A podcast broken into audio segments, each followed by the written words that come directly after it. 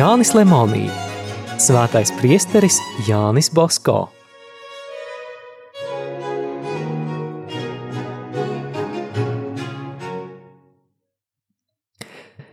Sastā nodaļa seminārā no 1835. līdz 1839. gadam. Pārliecinājies, ka mūža laime vai nelaime parasti atkarīga no tā, cik noteikti cilvēks seko savam aicinājumam. Jānis Bosko ar lūkšanām un nopietnām pārdomām gatavojās ieģērbšanai. Skaistā un izteiksmīgā ceremonija notika 1835. gada 25. oktobrī Kastelnovo baznīcā pirms summas. Daudz cilvēku, īpaši jauniešu, ieradās baznīcā no apkārtējiem ciemiem. Lūk, ko par šo notikumu rakstīja pats Jānis Bosko. Kad prāvests sāka mani ieģērbt un izteica liturģiskos vārdus exuat te dominus veterem hominem eum actibus suis, es savā sirdī pievienoju, ak, cik daudz sliktā man ir jāatmet. Dievs sadedzina manī visus ļaunos ieradumus. Kad vēlāk sniegdams man sutanu, viņš sacīja, induat te dominus novum hominem, qui secundum deum creatus est, in justitia et sanctitate veritatis.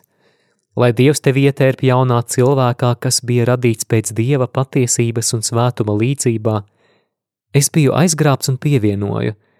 Jā, mans Dievs, dot, lai es no šī brīža pilnīgi pārvērstos jaunā cilvēkā, lai es svēti pēc tavas visaugstākās gribas dzīvoju un rūpējos tikai par patiesību un svētumu. Marija, esi tu mana palīdzība! Pēc sprediķa prāvests gribēja jauno semināristu aizvest uz Bardellu, kur notika atlaides ērceņģeļa Rafaēla godam. Jānis bija koncentrējies un iedziļinājies dievbijīgās domās. Svinību iespaidā viņš vairījās trokšņa. Kaut arī negribīgi, seminārists Bosko paklausīja. Tur ieradies viņš nezināja, kur palikt. Tik ļoti viņam nepatika trokšņaina situācija.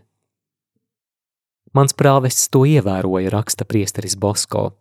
Kad pārnācām mājās, viņš jautāja, kāpēc es esmu tik noskumis un domīgs. Atteicu, ka tādēļ, ka šī rīta svinībām neatbilda vakarā notikušās dzīves. Bez tam, redzādams gandrīz vai piedzērušos tos, kurus biju iedomājies pavisam citādus, un dzirdēdams viņu tukšās runas, tikko nenobijos no sava aicinājuma. Ja arī es kļūšu tāds pats priesteris kā tie, tad labāk novilkt šīs drēbes un dzīvot kā krietnam lajam, vai arī aiziet no pasaules un dzīvot kartūziešu vai trapistu klosterī. Nebaidies, prāvests man teica. Pasaule tāda bija un paliks, bet mums jāredz ļaunums, lai to pazīdami, paši varētu no tā izvairīties un pamācīt citus.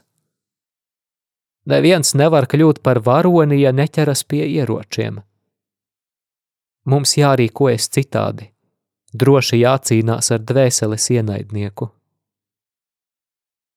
Es to noklusēju, bet savā sirdī apņēmos, ka nekad vairs nepiedalīšos kopīgās izpriecās un svētkos, tikai tad, ja būšu aicināts uz dievkalpojumu. No šīs dienas nopietnāk sāku pārdomāt par savas dvēseles vajadzībām – Man bija nepieciešams savu dzīvi mainīt pašos tās pamatos. Protams, arī līdz šim es nebiju nekāds palaidnis, tomēr biju iedomīgs, izklaidīgs, nemitīgi nodarbināju savu prātu ar trikiem, akrobātiku, izpriecām un līdzīgām tukšībām.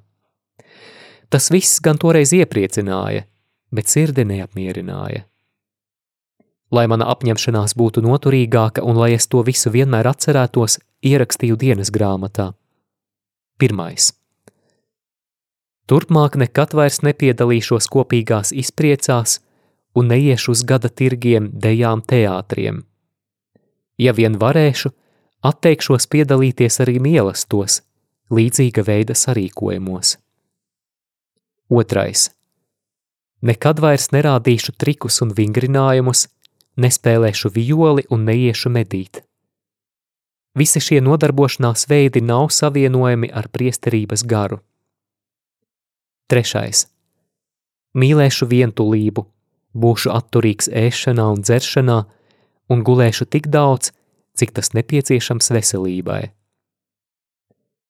Ceturtais. Kā agrāk izpatiku pasaulē, lasīdams dažādus pasaulīgus rakstus, tā turpmāk mācīšos kalpot Dievam, lasot garīga satura darbus. Piektais. Ar visu spēku cīnīšos pret tik vienu skaidrības ienaidnieku, pret tik vienu rakstu, domu, vārdu un darbu, kas kaitīgs likumībai.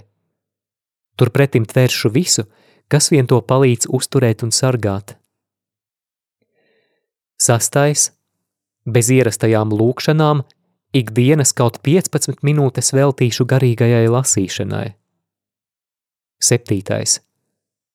Katru dienu pastāstīšu citiem kādu skaistu, sirdi aizkustinošu piemēru vai līdzību, arī radiniekiem un draugiem. Ja citu nebūs klāt, stāstīšu to savai mātei. Šos apņēmumus uzrakstīju savā ieģērbšanas dienā, lai tie labāk paliktu atmiņā. Nometos ceļos visvētākās jaunavas attēla priekšā, nolasīju un apsolīju dievmātei tos pildīt, neattālināties no tiem, neraugoties uz šķēršļiem.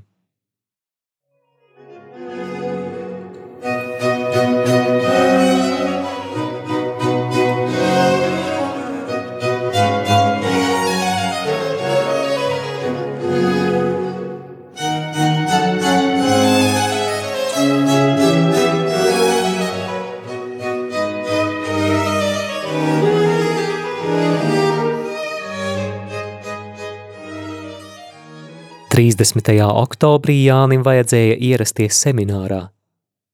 Margarita dēlu pavadīdama viņam teica: Nu jau, Jānī, tu esi seminārists. Esmu laimīga kā ikviena māte, kas redz savu dēlu ejam labu un godīgu ceļu. Tomēr atceries, ka nevis drēbes poš priesteri, bet gan tikumi.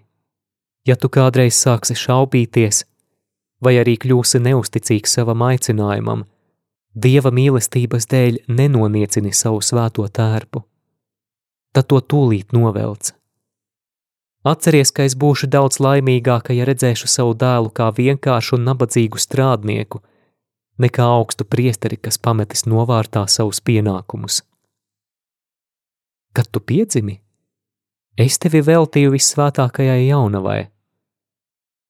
Kad sāki mācīties ar vien tevi mudināju bieži lūgties – tagad novēli sevi visu viņas patvērumā. Mīli tos, kas mīl Mariju. Bet ja Dievs tev reiz ļaus kļūt priesterim, aicini visus dievbīgi godināt dievmāti. To sacīdama māte bija ļoti saviļņota. Esi mierīga māmiņa, Jānis atbildēja. Šie tavi vārdi neizskanēs vējā. Tie visu mūžu paliks manā sirdī. 30. oktobra pievakarē Jānis Basko ieradās seminārā. Apsveicinājies ar priekšniekiem, viņš sakārtoja gultu un kopā ar savu kursa biedru Gariljāno sāka apskatīt guļamtelpas, gaiteņus un pagalmu. Viņš aplūkoja arī saules pulksteni, uz kura izlasīja jau padzisušus vārdus afliktis lente, celeres gaudentibus hore. Lēni steidzas laiks skumjajiem, ātri priecīgajiem. Lūk, viņš teica draugam, tādai jābūt mūsu dzīves programmai, jābūt līksmiem, lai ātri aizteiktos laiks. Lūk, kādi bija Jāņa pirmie iespaidi par semināra dzīvi. Nākamajā rītā sākās trīs dienu rekolekcijas. Centos tajās ļoti nopietni piedalīties. Pēdējā šo rekolekciju dienā aizgāju pie filozofijas profesora priestera doktora Ternavāzio Dibrā, un lūdzu pastāstīt, kas jādara, lai kļūtu par labu semināristu un priekšniecība būtu apmierināta. Daudz nevajag, atbildēja labais priesteris. Pietiek pildīt visus tos pienākumus, ko ikvienam uzliek semināra iekšējās kārtības noteikumi. Šo profesora ieteikumu liku savas uzvedības pamatā un apņēmos akurāt izpildīt visus semināra iekšējās kārtības noteikumus – Zvanam atskanot, nekavējoties gāju uz baznīcu, uz ēdam istabu vai uz pagalmu atpūtas starpbrīdī. Tāda rīcība patika gan draugiem, gan priekšniekiem. Šie seši gadi seminārā man sevišķi patika tādēļ, ka jāmācās bija ļoti nopietni. Semināru patīkamu darīja arī priestera Kafaso vārds. Par viņu seminārā visi vēl ar vienu runāja, cik viņš bijis piekāpīgs biedriem, cik paklausīgs priekšniecībai, cik pacietīgs, mīļš un neparasti dievbijīgs. Semināristam Kafaso vajadzēja būt tiešām svētam, jo draugi viņu apbrīnodami teica, ka tā var uzvesties tikai pirmā grēka nepazinis cilvēks. Es ļoti iemīlēju savus priekšniekus, un viņi mani mīlēja. Tomēr sirds dziļumos jūtu neapmierinātību, ka tie pārlieku distancējas no semināristiem. Semināristi sasveicinājās ar rektoru un citiem priekšniekiem tikai tad, kad devās brīvlaikā vai atgriezās no tā. Mācību laikā pie viņiem parasti gāja tikai tad, kad vajadzēja saņemt piparus. Ik nedēļas pārmaiņus priekšnieki nāca uzraudzīt semināristus, ēdam istabā un gāja ar tiem pastaigāties. Nekur citur priekšnieki neiejaucās. Tas mani ļoti nomāca. Bieži gribējās parunāties, pārunāt kādas šaubas, bet nebija ar ko. Tāda kārtība stiprināja manas ilgas ātrāk kļūt priesterim un būt pastāvīgi kopā ar bērniem, tos sargāt, iepazīt. Ikvienā vajadzībā viņiem palīdzēt un ar savu uzraudzību tos atturēt no dusmām un ikvienas nevēlamas draudzības. Attiecībā uz kursabiedriem ievēroju mātes ieteikumu. Draudzējos tikai ar tiem, kas mīlēja jaunavu Mariju. Tie parasti bija čakli un līksmi jaunieši – Tikumi seminārā tika labi praktizēti. Ik rītus piedalījāmies kopīgajā svētajā misē, pēc tam meditācijā un tad noskaitījām vienu rožu kroņu daļu. Pusdienu un vakariņu laikā lasījām kādu skaistu grāmatu. Manā laikā tika lasīta Berkas Teljo baznīcas vēsture. Grēkus vajadzēja sūdzēt ik pa divām nedēļām reizi, bet kas vēlējās, varēja to darīt katru sestdienu. Tomēr svēto komuniju drīkstēja pieņemt tikai svētdienās un citās lielākās svētku dienās. Protams, bija iespējams arī citās dienās iet pie dievgalda, bet tikai zakšus. Vajadzēja tad izbeigt pa brokastu laiku, aizskriet uz svētā Filipa baznīcu, kurā varēja ieiet no semināra sētas puses, pieņemt svēto komuniju un ar skubu atkal atgriezties atpakaļ. Tāda rīcība gan bija noteikumu neievērošana, bet priekšnieki to zinādami neko neteica. Tādējādi varēju bieži stiprināties ar sava pestītāja miesu un asinīm. Tikai tā es varēju izturēt un stiprināt savu labo gribu un būt uzticīgs aicinājumam.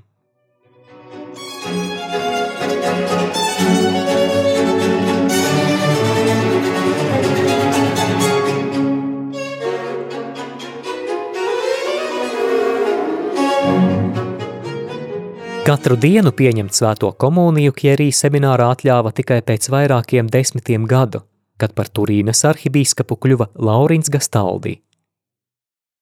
Semināristam Bosko bija vēl kāds vērtīgs dzīves princips – veltīgi nepavadīt nevis niecīgāko laika sprīdi. Garākos pārtraukumos, viņš raksta, mēs sapulcējāmies ēdam istabā un sākām tā saucamās studiju sēdes – Ik viens varēja jautāt par to, kas bija neskaidrs pašreizējā mācību vielā. Šīs ierašas man ļoti patika. Šajās sanāksmēs es biju vadītājs.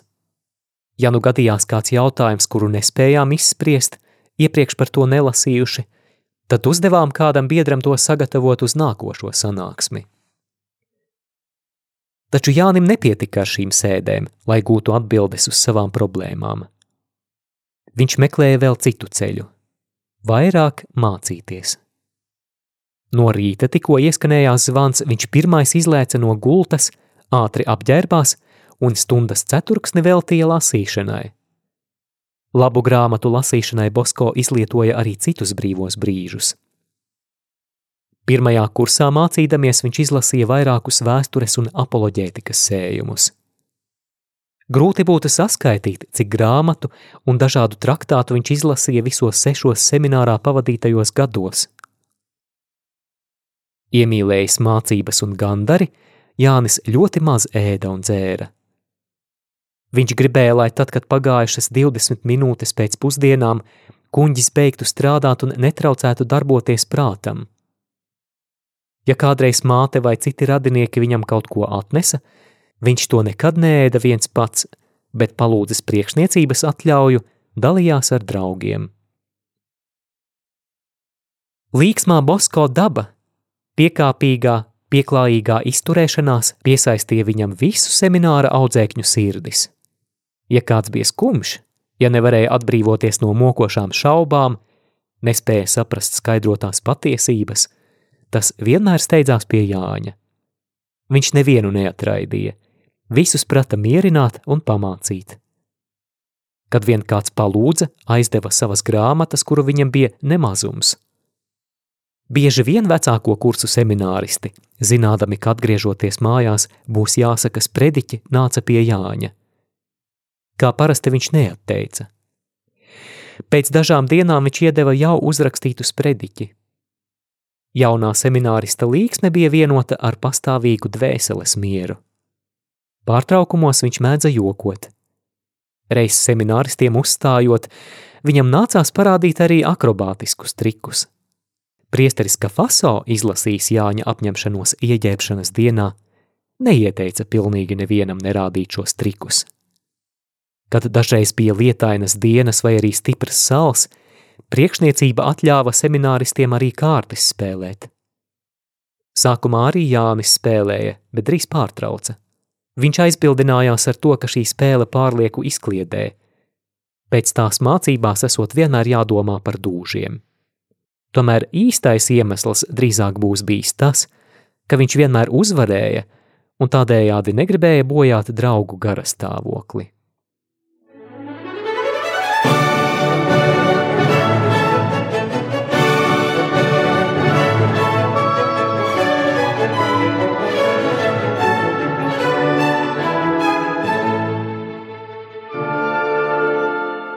Nepārtraukti mācīdamies un censdamies kļūt svētāks, Jānis Bosko juta arvien karstākas ilgas veltīties bērniem. Arī priekšniecība saprata Jāņa aicinājumu. Ik svētdienas viņu sūtīja uz katedrāli mācīt bērniem katehismu.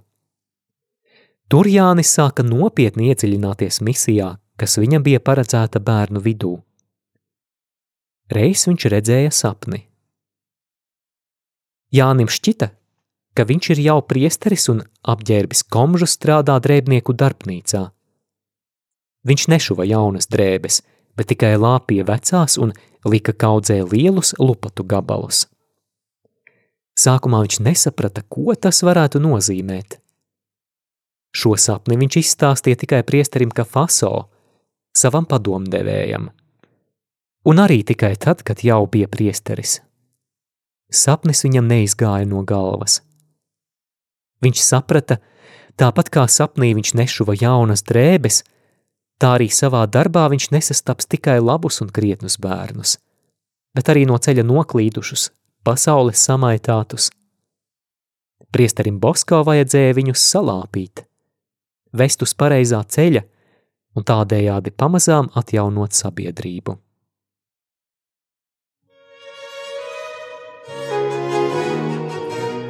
Izskanēja lasījums no Jāņa Lemonija grāmatas Svētais priesteris Jānis Bosko.